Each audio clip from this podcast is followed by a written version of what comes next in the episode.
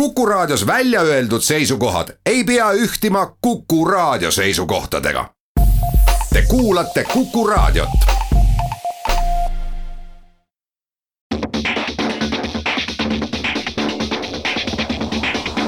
autotund. see on saade sulle, kui sul pole päris ükskõik, millise autoga sa sõidad. tere kuulajad, nädal on möödas, Autotund on tagasi. Kui meil eelmine nädal oli külas Pirko Konsa ja me keskendusime isejuhtivatele autodele, rääkisime hästi palju elektrist ja tulevikust, täna, kui te siin tunneksite, on stuudio täis rehvivingu ja suitsu sellepärast et täna läheb väga kiireks sõiduks saate teises pooles, kuna kohal on Kaur Ilves ja Sulev Latva, mõlemad autogeenuse kaasautorid ja mõlemad käisid just sõitmist õppimas. aga enne seda tavaline uudisteplokk, erinevaid uudiseid meilt ja mujalt. Kuna, kui teie seda saadet kuulate, on juba kolmas september, kool algab, lapsed on linnas, siis Autotunni poolt ka üks väga oluline meeldetuletus, et kuigi Äh, siin kõikidele lastele, te võite täiesti kindlad olla, kodus räägitakse, kuidas tuleb liigelda, üle tee minnes mõlemale poole vaadata, siis ma luban teile, pooled lapsed ei tee seda. Mitte sellepärast, et nad ei teaks, vaid lihtsalt laps töötab natukene teistmoodi kui täiskasvanu. see tähendab, et kui te olete nüüd tagasi linnaliikluses ja näete kuskil väga palju lapsi või kas või ühte last liikumas ülekäiguraja poole või teeservas, kas tal on tõuks, võib-olla tal on renditud elektritõuks, võta hoog maha ja ole väga tähelepanelik, sest nad on hästi toredad, aga nad teevad väga ootamatuid liigutusi. ja ma arvan, et see on kõige nagu tõenäolisem viis, et kõik lapsed jõuavad ilusti tervelt koju, kui juhid ei eelda neilt loogilist käitumist, vaid on alati valmis kõige hullemaks. eelda halvimat. just, näed last, eelda halvimat. nii, aga räägime uudistest. täna siis tee, selles mõttes täna on esimese eh,, esmaspäev, kui me lindistame, sündis üks väga oluline kiirusrekord. Bugatti Chiron, mis on maailma peaaegu et kõige kallim, ägedam ja võimsam ja superauto, saavutas esimest korda seeriaautode kiiruse kolmsada miili tunnis, isegi kolmsada neli miili tunnis. Kas teate, palju see kilomeetrites on? ma seda videot vaatasin, ta punnitas ikkagi nelisada üheksakümmend välja, samas ja. mõtled, et ole, oleks see kümme veel siis nagu teinud, kuule, kui sa nii kaugele jõudsid, et hoia see pedaal ei, see on see, et vaata see, no ma arvan, et neil panid piiraja peale, sellepärast et nüüd on vaja järgmist rekordit jahtima hakata, viissada kilomeetrit tunnis, et kui sa teed ühe sõiduga mõlemad ära, siis sa saad ju ainult ühe korra meediasse. see on nagu Sergei Pupka hüppas kõrgust, on ju, et, et iga kord tuleb sentimeetri haaval parandada ja siis niimoodi teed kolm aastat järjest. nii, aga see on selles mõttes märgiline, et see ei olnud praegult selline, et sõideti mingi eelmise rekordi omaniku kiirus ühe kilomeetriga üle või midagi sellist, sest eelmine oli äh, Koenigsegg, Agera, kes tegi seal ükskord äh, lihtsalt, kui kõik autofirmad lubavad, kuidas nende auto hakkab sõitma nii ja nii palju, siis Koenigsegg lihtsalt võttis ühe kliendi auto ja läks sõitis äkki oli nelisada nelikümmend seitse kilomeetrit tunnis või. siis äh, nüüd läks Bugatti Chiron ja sõitis kolm, neljasaja üheksakümnega. kas sa mäletad, mida lubas, Suleviga rääkisime ennem sellest? et saab teised ka sõna, ma üksi ei räägi. Äh, Bugatti juht Winkelmann, äh, mis kiiruse saavutab Chiron, kui ta välja tuli? Nad just mainisid, et nad isegi ei hakka seda väga jahtima, seda tippkiirust üldse, et nagu, et me teame, et on kiire, aga jah, las ta jääb. jah, et sellel autol on ju kuueteistsülindriline mootor, tuhat nelisada hobujõudu, et noh, põhimõtteliselt nagu võim on mm.. aga siis nad rääkisid jah, et nad ei hakka enam, kui Verooniga nad tegid seal suuri kiirusrekordeid, ühte sõitis isegi James May, siis äh, et esimene mure oli neil rehvid, et tegelikult ei saa sellist kiirusrekordit ohutult teha, sellepärast et keegi ei garanteeri, et seal kuskil pealt neljasada kolmekümmet äh, rehvist tükke lendama ei hakka. noh, selle jutu peal läkski Koenigsegg ja tegi mm, -hmm. rehvist ei lennanud tükk mm. -hmm. siis on üks ameeriklaste firma, on see Hennessy, kellel peaks tulema see Venom, Venom, F2. Venom F5. või F5, vabandust. Venom F5, aga nemad on niisugused naljakad vennad, et minu arust nad aastaid lihtsalt äh, saadavad välja kogu aeg sedasama pressiteadet, kuidas nende Venom F5 äh, sõidab üle kolmesaja miili tunnis. aga nagu noh, ma ei tea, tehke siis ära lõpuks, et äh, kaua te räägite. aga nagu sellest Chironi uudisest nüüd selgus, siis Bugatti lihtsalt uinutas vastaste valvsuse mm -hmm. ja tegelikult tegeleti projektiga juba pool aastat koos Micheliniga. ma ei tea, kas sina julgeksid neljasaja üheksakümnega sõita, Kaur, sina oled meil niisugune kiire sõidufänn oh,. jah, ütleme nendes samades tingimustes, kui sulle öeldakse, Kaur, tule. Nojah, eks mu seisukohad on viimaste nädalatega võib-olla natuke muutunud kiire sõidu osas, sellest me räägime hiljem, aga, aga noh, kui vaatasin, kus nad sõidavad, et ega see noh, ta ei tundu midagi keerulist otseselt, see on ju see Eera, Eera Lesseni pikk sirge, mis on, kui pikk ta on, kümme kilomeetrit või see on jaa, ei, ei selles mõttes keeruline ei ole, see on, lihtsalt ongi see, et ja, kas sa usud Michelini poisse, et me nüüd tegime valmis need rehvid, mis ei lähe katki? ma ei tea, kui keegi enne nagu teeks selle otsa ära, siis ma võib-olla võiksin nagu korrata, et sama, samad rehvidega või? jah, no siis nad töötavad ju noh. ja seal hoiad rooli sirget, ega sinna midagi ei juhtu, see, kes see sama, James May, kui ta sõitis, et ta ütles, et vist ei ole kunagi nii lihtne olnud kiirelt sõita ju mm -hmm. see auto teeb sinust selle töö ära, et ta sõidab põhimõtteliselt ise. see on ehitatud selleks, et, et ta lihtsalt on äh, ju, põhimõtteliselt kleepub maa külge sellistel kiirustel. jah, et mida teeb näiteks, kui, kui sealt lendab eest läbi üks varblane ja see no, neljasaja üheksakümnega näiteks Radikasse lendab. aga, aga Chironil on neid vist kuusteist tükki, ilmselt sellel veel rohkemgi. noh, siis on back-up olemas, et, et aga, aga kui, kui sealt noh, mingisugune ütleme, varbla asemel kajakas lendab, et, et siis või siis on midagi muud või kull, on ju, või sookurg näiteks, et, et, et siis või jah äh,, hinnanguliselt neljasaja üheksakümnega, sellega sõidaks vist äh, Tartusse äkki veerand tunniga mm? -hmm. ei, poole tunniga nojah, ühesõnaga saab no poolega on kindlasti poole, kohal. poolega oled kohal, jah. ühesõnaga, tookord, kui sõideti kiirusrekordit Veironiga, siis äh, oligi see, mis Mei ütles, et ennem äh, oligi, et rehvid vist peavad neliteist minutit ja kütus äh, lõpeb kaheteist minuti peale mm -hmm. otsa, kui sa sõidad tippkiirusega.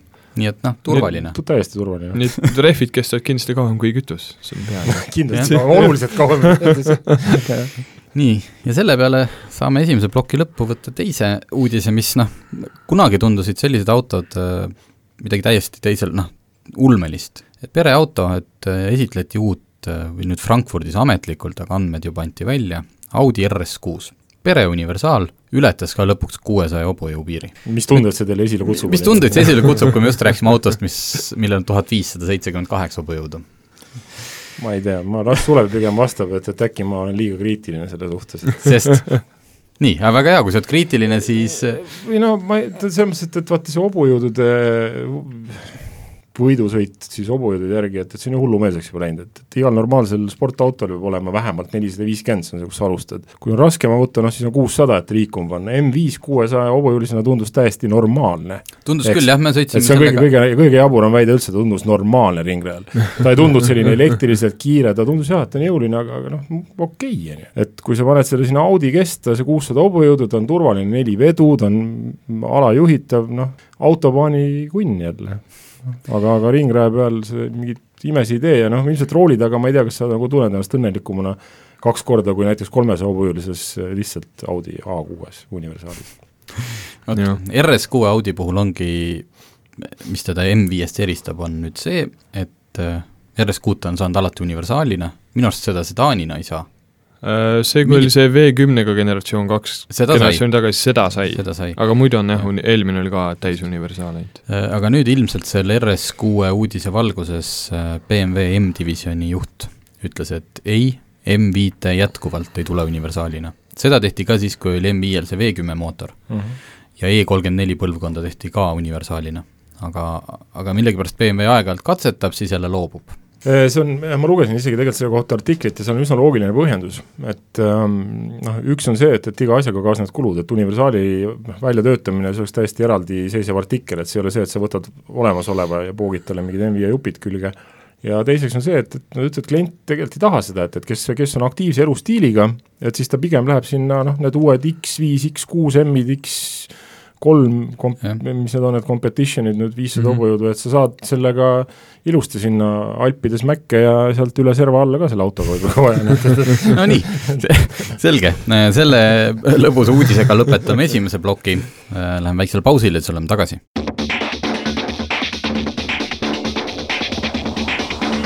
autotund.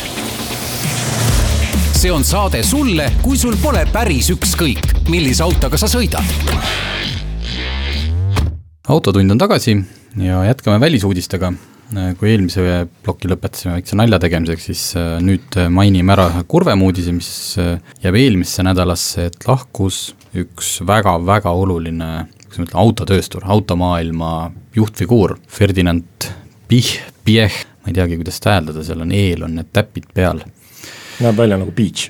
jah, Beach, just, et äh, tegelikult võrdlemisi ootamatult, sest äh, ta oli ikkagi täis äh, elujõus, kuigi üle kaheksakümne, ta sõitis just ühele konverentsile, kui ta põhimõtteliselt äh, söögilauas kokku kukkus. aga Ferdinand Pies on siis, esiteks on ta Ferdinand Porsche lapselaps, mis on iseenesest juba kõva sõna ta on kogu see Porschede dünastia üks, üks liige. tema on see, kes üheksakümnendate alguses kõigepealt töötas ta üles Audi brändi, et me saaks sõita nüüd RS6-ga Audi oli kaheksakümnendatel suhteliselt selline või seitsmekümnendatel suhteliselt igav, tavaline, igav tavaline, lihtsalt üks saksa auto.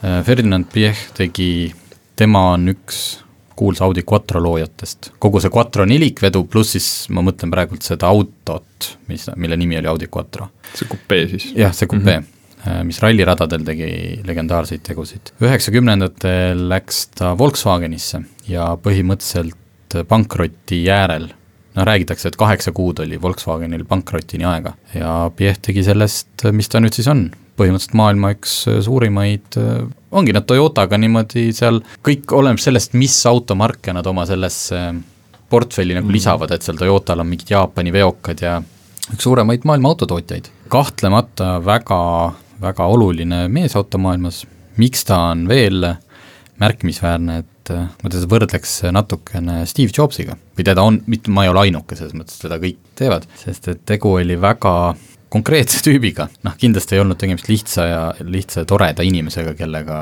igaüks kõik hästi läbi said. sellises positsioonis, et sul ongi ilmselt valik, et, et kui sul on visioon ja, ja, ja selge nägemus, noh ja sul on ka piisavalt sellist, kuidas öelda, noh, edulugu ette näidata et noh, siis sa usud sellesse ja, ja sa võid suuri asju niimoodi korda saata ja isegi kui noh, ütleme nii, et, et mõned laibad niimoodi toanurkadesse maha jäävad.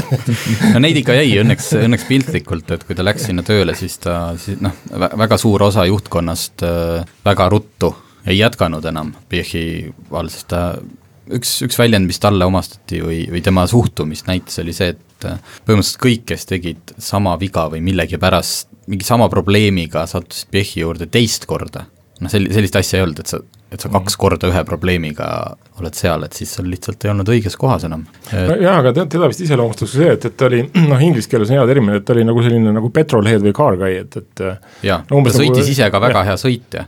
jah, nagu, nagu ütleme, Bob Lutz, eks, et, et, et, et jah et see minu arust nagu tõestab, et kõik, kogu lootus ei ole kadunud, et autotööstuse osas, et, et ikkagi, kui sellised mehed satuvad sinna etteotsa, kes noh, reaalselt neile autod lähevad korda, neil on emotsionaalne side nendega, nad võivad suuri asju teha, et kui isikuomadused ka sellised on ja noh, ühtlasi on see, ma ei tea, kas ta on hea või halb tõestus selle kohta, on selline eh, mõõdukas diktatuur võib tihti nagu parem olla kui selline liberaalne demokraatia. me siin, me siin just enne saadet Suleviga rääkisime, et noh, tegelikult kõige toredam riigikord ongi niisugune valgustatud monarhia, lihtsalt mure on see, et ta seal ees piisavalt valgustatud oleks, sest et noh, sealt nagu allakäik on päris kiire, kui satub sinna mingine topski.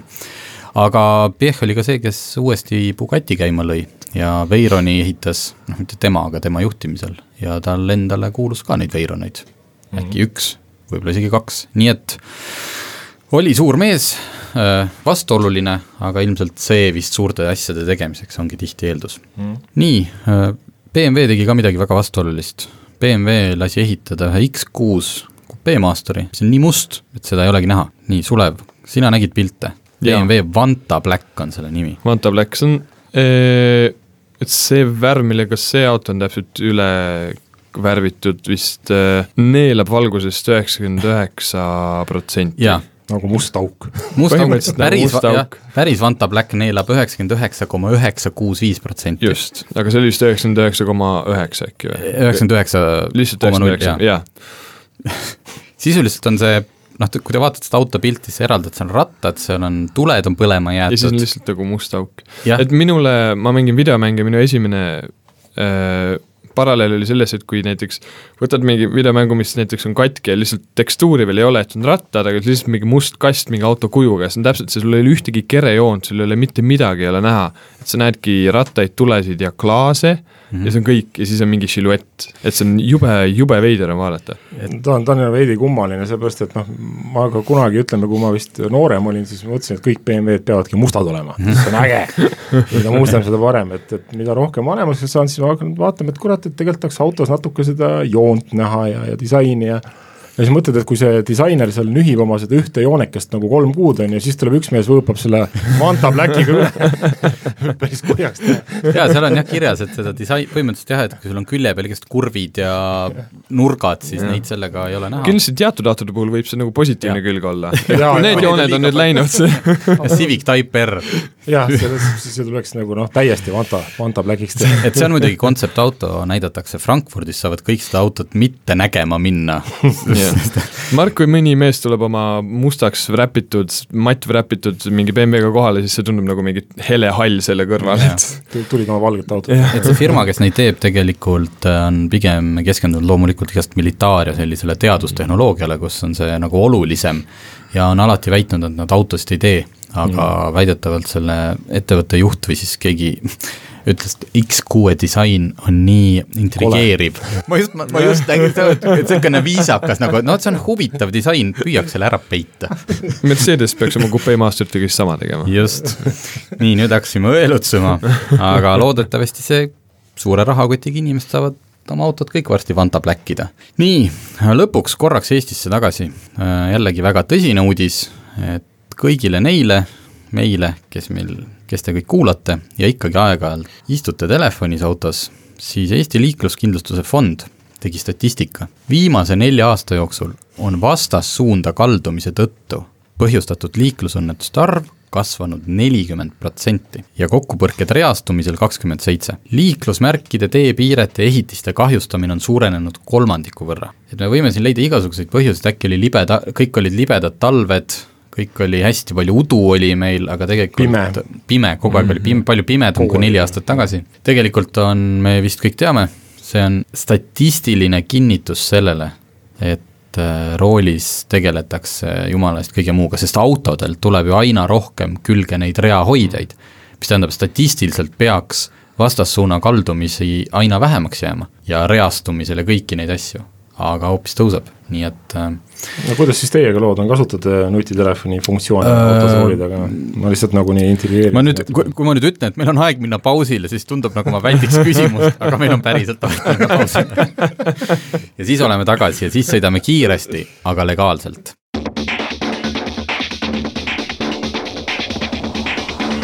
autotund see on saade sulle, kui sul pole päris ükskõik, millise autoga sa sõidad.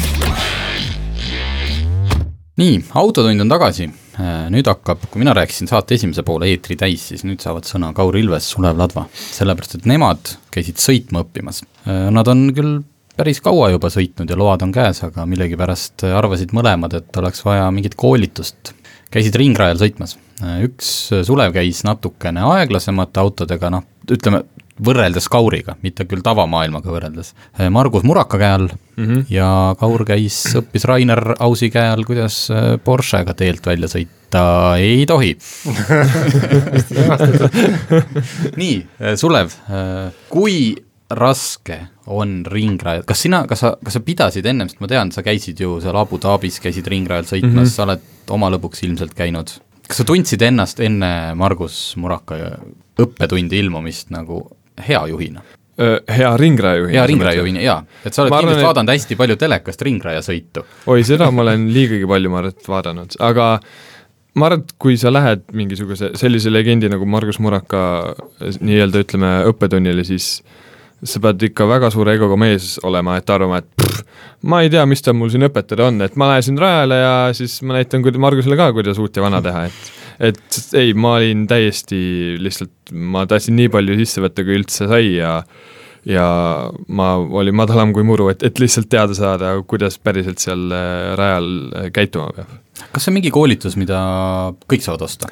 Äh, minu teada ma, mina sain selle läbi ühe tuttava, kes on Muraka poeg mm -hmm. ja, ja, ja tema on küll väitnud, et ta teeb see, et, et soovi korral, kui ühendust temaga võtta, siis saab selliseid asju korraldada küll. ilmselt sa pead ise seltskonnad kokku panema. jah, et ta, et ta mingi väga regulaarselt selliseid asju ei tee, aga mm -hmm. kui saavad ajad klapitatud, siis on võimalik küll nii, ja mida te õppisite, kuidas see välja nägi siis no,, ringrajal sõitmine? jah, et me sõitsime nende Toyota GT kaheksakümne kuutega, mis on selle auto kahekümne nelja rajal äh, ka rendi, rajarendi autoks nii-öelda. ja alguses oli lihtsalt üksipäini lähed autosse ja vaatad, mis aja sa saad ja siis on selline teooriatund ja siis on selline praktikatund, kus on äh, Margus Morakas on ise kõrvalistmel ja seletab ja siis on lõpus veel äh, siis äh, üksinda sõidud ja siis vaatab, äh, kui palju sekundeid on maha lihvitud. palju lihvisid? kaheksa. ja mis, kui sa, kui sa vaatad praegu sellele päeval tagasi, mis on, ma ei tea, üks, kaks, kolm asja, mis nagu, mis sul aitasid, mida sa ennem tõesti kas ei teinud või üldse ei teadnudki või arvasid, et tead, aga tegid tegelikult jumala valesti? üks asi, mida ma ma arvan, et ma nagu ei teadnud nii täpselt, on, on, on see, et, et nii kui su pidurdusteekond lõpeb, on kohe põhimõtteliselt jalg kohe gaasi peal. et hoida auto neutraalsena, et seda mootori pidurdamist ei toimuks, et ta on, pidurdus on ära, see miinimumkiirus selle kurvi jaoks on sul käes ja, ja siis lihtsalt läheb ka äh, jalg gaasi peale, aga nagu õrnalt-õrnalt, et lihtsalt, et sa hoiad seda kiirust, mis sul sinna mm -hmm. Apexisse sisenemiseks on vaja ja siis hakkad gaasi lisama. no just selle asja nimi on tegelikult, nad ütlevadki nagu pedal transition või noh, et, et Just. see kahe pedaali vahel liikumine, jalg peab üsna käbedalt käima, aga samal ajal sujuvalt, mille vastu noh, mina nagu suht räigelt eksisin ja sellest võib pärast rääkida, eks. et, et sul, sul ringrajal ei ole seda aega, et, et kus autoga kruiisid. et sul on nagu põhimõtteliselt, sul on on-off, aga need, kõik need asjad käivad suht sujuvalt, ütleme ikkagi. jaa, et see peaasi ongi see, et, et auto nagu nii-öelda ei teeks midagi, et see on kas korralik pidurdamine või siis on kiiruse hoidmine, siis kohe kiirendus, et sellist, see mootori pidurdamine, see on põhimõtteliselt äh, rajal on selline veits nagu ajaraisk justkui. no kuigi seal tegelikult ütleme ausalt, auto kakskümmend ringil on need kurvid, kus sa ka lähed noh, mootori pidurdusega sisse kiirete autodega, et, et, et kiired kurvid, eks, et aga see sõltub jälle ka autost hästi just. palju, jah. aga kui palju te, ütleme, see koolituse käigus siis, äh, kas tundsid, et sa oled nagu piiri peal ka, et sa tegelikult noh, niisugune tunne, et, et on ju tagasilla pealne auto, eks mm -hmm. ju, mhm. et, et noh, nüüd läheb käest ära või appi, et noh, kuidas ma nüüd siin nüüd hakkama saan sellega? noh, sellel ma usun, et äh, Karl oli selliseid hetki kindlasti rohkem aga ei, selle GT kaheksakümne kuuega on see, et ta on õppimiseks väga hea auto, sest ta tegelikult ka nagu siis, kui ta välja tuli, ma arvan, et seitse aastat tagasi, e, isegi ega ta sellel ajal ka nüüd mingi kiire sportauto ei olnud, ta oli selline just nagu selline tagasihoidlik ja kiire just selle sõiduelamuse ja selle tunnetuse peale hästi, hästi, hästi nagu lihtne, kakssada, kakssada hobujõudu. ta on nagu loogiline, et ennustatavalt käituv tagaveoline auto ja isegi turvaliselt võiks öelda. et ta on nagu kerge ja tal on kitsad rehvid, et just see kõik see, et kuidas see auto liigub ja kuidas see ka-, kaal liigub ja kogu see tasakaal, et, et seda on väga hästi sellel tunda, et õppimiseks ta väga hea, et sellised hetked, oi, et nüüd ma tõmban siit kuskilt nüüd täie hooga välja, külg ees kuhugi rajalt välja, et selliseid hetki nagu väga ei tekkinud, sest need kiirused ei ole ka nii suured ja see auto on selline väga selline ennatlik, et sa saad nagu aru, mis toimub no aga teist, noh, ma sõitsin sellega vaata Toyota selle Supra päeval, et tegelikult ka selle GT kaheksakümne kuue sa saad ikkagi liikuma, noh nagu ja. vajadusel nagu üsna ohtlikult, et jaa, seda kindlasti. et, et noh, et kui sa, aga samas ta on õppimiseks hea, et, et ta jätab sulle selle reservi, et isegi kui ma nüüd hakkan minema, et sul on aega reageerida mm, -hmm. mootor on ees, eks, et, et tal ei ole seda ohtu, et mootor on taga, et noh, kui minek on, et, et siis on noh, nagu lõplikult ja, ja püsivalt mm. -hmm. et sa saad selle, püüad selle libisemise kinni ja ta kitsast, kitsad ja võib-olla natuke noh, nagu madalama pidamisega rehvid annavad selle turvalisuse kihi, et õppimiseks ma arvan, et see on väga hea auto ja, ja, ja eriti trajektoori õppimiseks, sest seal rajal on trajektoor on hästi-hästi oluline see tähendab seda, et äh, kust sa lähened kurvile no,, kuidas sa selle välja võtad? kurvi äh, pidurdamine, sisenemine, väljakiirendus, eks, et, et äh, ja siis noh, nagu järgmiste kurvide jaoks nagu paiknemine ka, et et selle aeglasema autoga on see isegi ütleme, olulisem kui, kui võimsamate autodega. et kui sa õpid selle aeglasema autoga selle trajektoori endale noh, nagu une pealt pähe, siis kiirema autoga sõitmine tuleb selle võrra oluliselt lihtsamalt. just aeglasemalt tegelikult, kui see kiirus mingi hetk sul, sul mingi trajektoor läheb äh, nihu, siis see, äh, see, kui palju see ringaega mõjutab, on, on nii palju suurem, sest sa, sa kaotad seda kiirust päris palju, see keskmine kiirus ei ole sul siis nii suur, sa ei saa seda tagasi aeglasema autoga väga. kui palju siin, ütleme, sa parandasid enda aega kaheksa sekundit, aga kui palju Murakas sinust veel kiirem on? ma, ma küsisin seda ja tal oli väga selline kaalutletud vastus äh, professionaalse autosõidu kohta, ütles ei noh, eks ikka kõik oleneb rehvidest ja siis ta ei hakanud üldse ajast isegi midagi rääkima. et, et, et lõppkokkuvõttes tema seletas selle niimoodi, et on, on niisugune halb tänasõidurehv ja siis hea tänasõidurehv ja siis niisugune pool slick ja siis täiesti slick iga rehvi vahe on niisugune umbes kaks sekundit. et, et sa võid kokkuvõttes üks sama auto, erinevad rehvid, sa võid kaheksakümne kümme sekundit äh, lihtsalt võib see kiiruse vahe olla puhtalt rehvide pärast. Ja siis ta lihtsalt hakkas rääkima rehvidest ja see, ja see küsimus aja kohta, see jäigi sinna tahaplaanile täiesti aga tunned, et kui sul oleks olnud äh, pool päeva veel puhtalt äh, sõitmisaega, et sa oleks veel mm -hmm. maha sõitnud? Äh, ma arvan, et ma oleks midagi maha sõitnud küll, aga ma ei ütle, et see oleks mingi sekundites nüüd järjest olnud, et ma, mul oli üks kolmkümmend üheksa, üheksa, seitse, üheksa oli see aeg, ehk et väga napilt alla üks neljakümne, ma olen kuulnud inimeste käest, kes on ka meil, on kirjutanud Karli Salumäe käest, et tema ütleb, et temal on tuttavad, kes on seal ringrajal üsna kogenud, et on niisugune üks kolmkümmend seitse on selline hea aeg, kus nad registreerivad midagi sellest autost välja, et mm, -hmm. et ma arvan, et äkki mingi madalat kolmekümne üheksat oleks ma äkki kätte saanud, mulle meeldiks arvata aga ei tea. sina ei sõitnud GT kaheksakümne aja peale tookord, eks ju eh,? ei sõitnud, ma vist midagi, ma sõitsin Jaarisega, ma sain mingi aja, aga noh, ma ei ja. hakka üldse kommenteerima, mis seisus seal pidurid ja need treenid olid, et noh, see oli ka, jäi alla üks neljakümne, et, et aga, aga noh, see oli suht nagu õudne juba, ütleme nii. et eh, minu arust on see aeg ja teine asi on see, et, et ega ei olegi, aega ei tohi endale eesmärgiks seada kohe, vaid nagu pigem seda, et, et palju sa õpid, ma arvan, eks. jaa, ennekõike on see, on, on see, kui palju sul see aeg läheb nagu lihtsalt see vahe, kui palju sa lähed kiiremaks ja teine lihtsalt see enesekindlus, et, et ka, kus sa saad aru, et nüüd ma siin tegin valesti ja nüüd sellepärast äh, nüüd mul ülejäänud ringaeg läheb natukene aeglasemaks, et, et lihtsalt õppida just see trajektoor ja aru saada vigadest ja kus sa saad ennast nagu mm. veel parandada, see on see kõige tähtsam.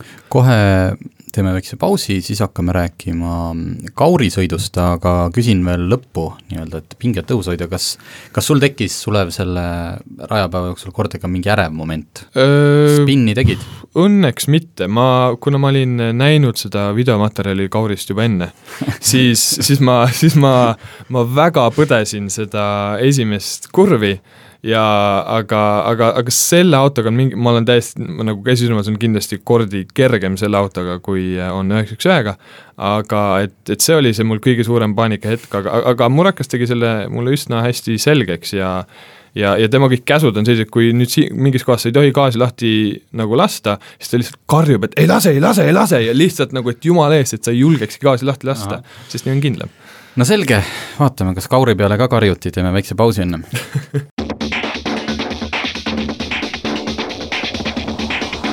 autotund. see on saade sulle, kui sul pole päris ükskõik, millise autoga sa sõidad nii, Autotunde tagasi oleme teinud siin kõvasti Kauri nalja, keegi ei saa aru, millest me räägime. räägime siis, alustame kohe sealt ära, sina käisid Pärnus samal ringrajal, Porsche üheksa üks üks. Mhm. käisid õppimas, kuidas sõita just nimelt Porsche üheksa üks ühega või siis taga, tagamootoriga sportautoga. jah, tagamootoriga sportautoga, noh eesmärk oli tegelikult noh, idee loo jaoks sündis sellest, et ähm, et, et kui me oleme kirjutanud Porsche üheksa üht-teist, üheksa üks ühest lugusid, siis noh, tulevad sellised veidrad kommentaarid, et ta on, ta on kuidagi imelikult käituv auto, alajuhitav ja kohati ülejuhitav ja siis mõtlesime, et miks mitte teha asi niimoodi kuidagi piltlikult selgeks, et, et, et anda ta spetsialisti kätte, kelleks on Porsche Eesti sõiduinstruktor Rain Aus ja lasta tal sõita teadlikult valesti autoga ja siis seletada, et mida ta tegi valesti, kuidas autot mõjutab ja kuidas õigesti peaks sõitma. noh, siis järgmine sessioon oleks olnud see, et, et noh, ma oleks sedasama asja nii-öelda järgi teinud ähm,.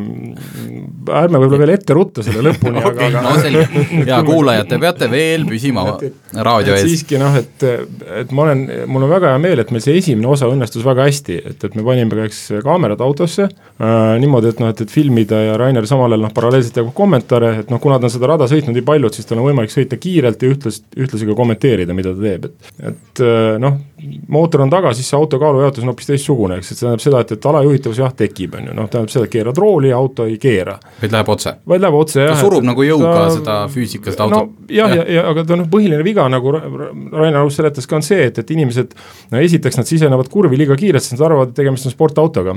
et noh, see on see ootuste juhtimine just, et kui on kiire auto, et ta, ta, ta tegelikult ei ole võimeline ikkagi kaks korda kiiremini kurvi läbi sõitma, heal juhul ta sõidab võib-olla kolmandiku kiiremini kui noh, lihtsalt võimekas auto. ja siis sa lähed hooga sisse, keerad seda rooli, vaatad, et viliseb, noh ja siis keerad veel peale siis ta viliseb veel rohkem ja ta läheb tegelikult otse ja nii ongi aga see on turvaline, eks, et mhm. ta, ta annab sulle selle indikatsiooni kätte, et, et nüüd hakkavad asjad hapuks minema ja siis sa kuidagi võtad vaikselt hoogu maha ja, ja noh, tuled sealt välja omadega. Ehm, jah, noh, selles mõttes, et seda oli kõrvalt hea näha, et, et äh, mismoodi see käis, et ja noh, ja, ja teine asi muidugi selle juures on see, et äh, eriti tagamootoriga auto nõuab äh, sujuvust äh,, sujuvust pedaalidega ringi käimisel, nii, nii ja kurvi sisenemisel just, et äh, et kui sa teed noh, ütleme kõik sellised pidurdusoperatsioonid tuleks teha ära sirge peal ja tugevalt. ja siis see, et, et seda alajuhitavust noh, kontrolli all hoida, et, et nagu Rainer Arvus ütleski, et sa, sa sisened tegelikult kurvi nii-öelda pidurite õrnalt vabastades, et, et sul on selline teatav koormus esimeste rataste peale, siis tuleb see pööre, tead nagu, see on nagu skalpelliga lõikad ennast kurvi sisse ja kui auto on juba seal, lähed gaasi peale, siis ta kiirendab väga hästi sealt välja. et noh, me oleme seal Porschedega selle raja peal no, varem sõitnud ka, et, et kõik töötab tõesti nagu väga hästi. kas see, kas see kõik kehtiks ka tavateedel, ütleme, kui sa sõidad mingeid väikseid kurvilisi metsateid? no ma pigem loodaks, et, et, et inimesed ei lähe seda katsetama, sellepärast et see on ikkagi väga suured kiirused ja noh, see, see selline, selline sõidutehnika võiks jääda ikkagi ringrajale, et, et, et noh, et sa noh, mis ei tähenda seda, et, et see ei tee sind paremaks juhiks noh, ka tavaliikluses, see on sujuvus, olukordade ettenägemine, planeerimine et see on ka hästi oluline osa, et, et kui sa ju ei, ma, ma mõtlesingi pigem, et keegi ei lähe nüüd sõitma saja seitsmekümnega metsa vahele, vaid see, et needsamad, needsamad käit-, noh et turvaliselt näiteks, kui sa oled libeda teega, noh et mm -hmm.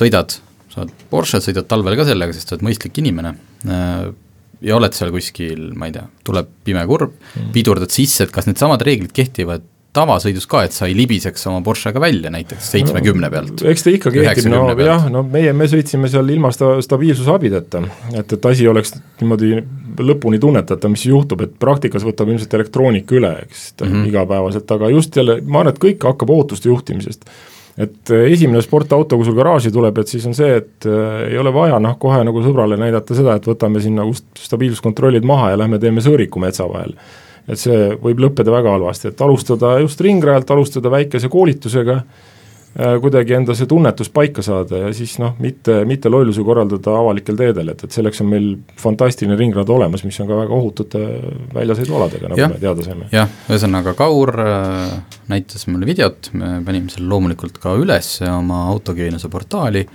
kuidas äh, kõrval istub Rainer Raus, juhendab, mida teha, Kaur nagu teeb ka ja üks hetk hetk äh, me näeme esiaknast betoonseina mm -hmm. ja ja jätkab Kaur. no see oli selles mõttes, et tegelikult olid need soojendusringid, et meie eesmärk ei olnud sinna minna aega sõitma, et, et noh, ma olen seal rajal sõitnud, ma olen kiirete autodega sõitnud, et justkui nagu see baastehnika on paigas. aga mul ei olnud kunagi olnud seda võimalust, et istub kõrval instruktor, kes seda rada nagu palju sõitnud ja see on nagu õudselt väärtuslik, et sa saad reaalajas seda infot, et et kuule, et sa nüüd nagu keerasid näiteks liiga järsult sisse või sa pidurdasid liiga järsult, et et noh, kõik oli justkui hea, et Rain ütles, et ainuke, et pidurda vähem agressiivsemalt, on ju noh, näed, siis saad varem nagu välja kiirendada, sellised väikesed nüansid mm. -hmm. et ma tundsin ennast justkui nagu hästi, aga see esimene kurv on alati selline keeruline et, et seal on ja kuna see auto püsis niivõrd hästi, siis noh, kogu see, mis, mis viga oli, oli see, et, et enesekindlus läks liiga suureks. niisugune tüüpiline asi, et, et ma viimane kord spinnisin auto kakskümmend aastat tagasi kiirusel kolmkümmend kilomeetrit tunnis. noh, mis võib juhtuda, eks Porsche püsib nagu liimitult ja läksime kurvi liiga kiirelt, äh, ma, ma ei tea, kas ta oli libedam või mitte, trajektoorilt meeter eemal ja kui ta ütles, et sisse-sisse, rohkem, siis natuke keerasin sisse, äh, tõmbasin plaks jala gaasilt ära ja korras ja siis sellel hetkel oli nagu jumala käsi lükkas selle auto lihtsalt tagant ära. no ühesõnaga taga, tagamootor, mast tuli ette ja tagamootor sõitis vasakule mm -hmm. rajalt välja, noh siis esimene hetk on see, et sa nagu püüad, üritad püüda seda, korraks jäi mulje juba, et aa okei okay,, et, et, et ta isegi jääb nagu pidama, et, et noh, et me saame selle edasi sõita ära lõpetada, aga siis oli selge, et ei, et seda ei toimu lihtsalt ta keeras, keeras saba ette ja kohe, kui ta saba ette keeras, noh siis noh, mõtlemiseks on väga vähe aega, et sa pead lihtsalt tegutsema ja siis ma lõin, lõin pidurid põhja ja, ja ootad seda orbiidilt lahkumist, eks. et äh, füüsika töötab minu kasuks, et, et see oli sirge kurv, et, ütleme väljumistrajektoor oli nii, et me jätsime ühe kurvi vahele ja lõpetasime noh, nina sõidu suunas, ütleme. jah, et betooniga õnneks ei kohtunud, see käis sealt esiaknast mööda, aga no, meetri kauguselt jah, kuskilt, et noh, et kui ma oleksin olnud, ütleme, sisemisel trajektooril ja oleks sisse juhtunud, oleks ilmselt nagu nina läinud, et noh, et korraks nagu see mõte käis läbi, et, et, et kui palju nüüd tuleb nagu eluasemelaenule lisada, et, et see Porsche väärtus kinni maksta, aga, aga seal tulemuseks oli lihtsalt pesu, ütleme, autol ja pärast kliendid sõitsid sellega edasi. et väga õpetlik äh, õnnetus, väga õnnelik õnnetus ja, ja teisest küljest see, et, et näide, kus äh, noh äh,, noh, mille vastu ma ise nagu tavaliselt üritan mitte eksida, on see, et, et piire nihutada vaikselt ringrajale mm, -hmm. et noh, et sa hakkad midagi tegema, et siis sa võtad mingi kurvi kiirelt, no võtame natuke veel kiiremini, vaatad, kui noh, kui jõuad, kui piiril lähen, et sa ei astu kohe sellest piirist, sa ei jookse sellest läbi. aga seal oli noh, mingil sündmuste kokkulangemise tõttu läksid asjad valesti ja, ja tulemus oli katastroofiline ja, ja sulle, sul olid ja. ka kõik kontrollid väljas, eks ju? ja, ja selles mõttes, et noh, pärast nagu noh, Rainer ütles, et ilmselt nagu vot see on põhjus, miks nad ütlevad klientidele, et ärge võtke BSM-i kunagi rajapäevadel välja ja mida ütlen mina nüüd ka, et et BSM ei sega nii palju, et ta ei laseks sul kiirelt sõita või seda autot tunnetada, aga küll ta võib ära hoida nagu sellest, et äh, sulle saabub koju väga kopsakas arve selle eest, et, et auto on lömmi läinud seal mingi asja vastu et äh, aga edasi te ei sõitnud sellepärast, et tuju no, oli läinud? see, see oli see, et auto vajas ikka väga põhjalikku puhastust, et, et ta käis sealt nii-öelda, seal oli niisugune nagu mingi liiva, mis on niisugune gravel trap, et sealt läbi, siis olid seal mättad, on ju, ja kliendid pidid tulema sellega sõitma poole tunni pärast, et siis ta läks pessu, nii et, et noh, et ma saingi, sain nagu paar kiiret ringi sellega sõita, mis oli noh, vahva iseenesest, eks, ja noh, rääkimata Raineri kõrvalistmel, et kõik need asjad kaasa tehtud, et kuidas driftida näiteks Porsche't, see oli ka väga huvitav. no vot, selleks meil kahjuks enam aega ei ole, aga, aga me usume, et see oli huvitav. lugege artiklit. just, just, kõik läks pärast läks autopessu, Kaur läks pessu. Kaur läks pessu, Kaur jah, nädal aega raudus seda siin, et, et noh, tegelikult ma olen teistsugune inimene. aga selline asi võtab, äh, paneb, loksutab paika küll sa oled ikka pärast palju auga, aupaklikum kõige, kõikide nende hobujõudude suhtes. ja, ja, ja noh, see, ma arvan, et see on väga kasulik, on õnnelik õnnetus mitte ainult mulle, vaid ka loodetavasti noh, teistele. nii, selge, minge ja õppige ringrajal sõitma, siis te saate aru, kui vähe te tegelikult sõita oskate. täpselt. just, ja järgmine nädal oleme tagasi, aitäh!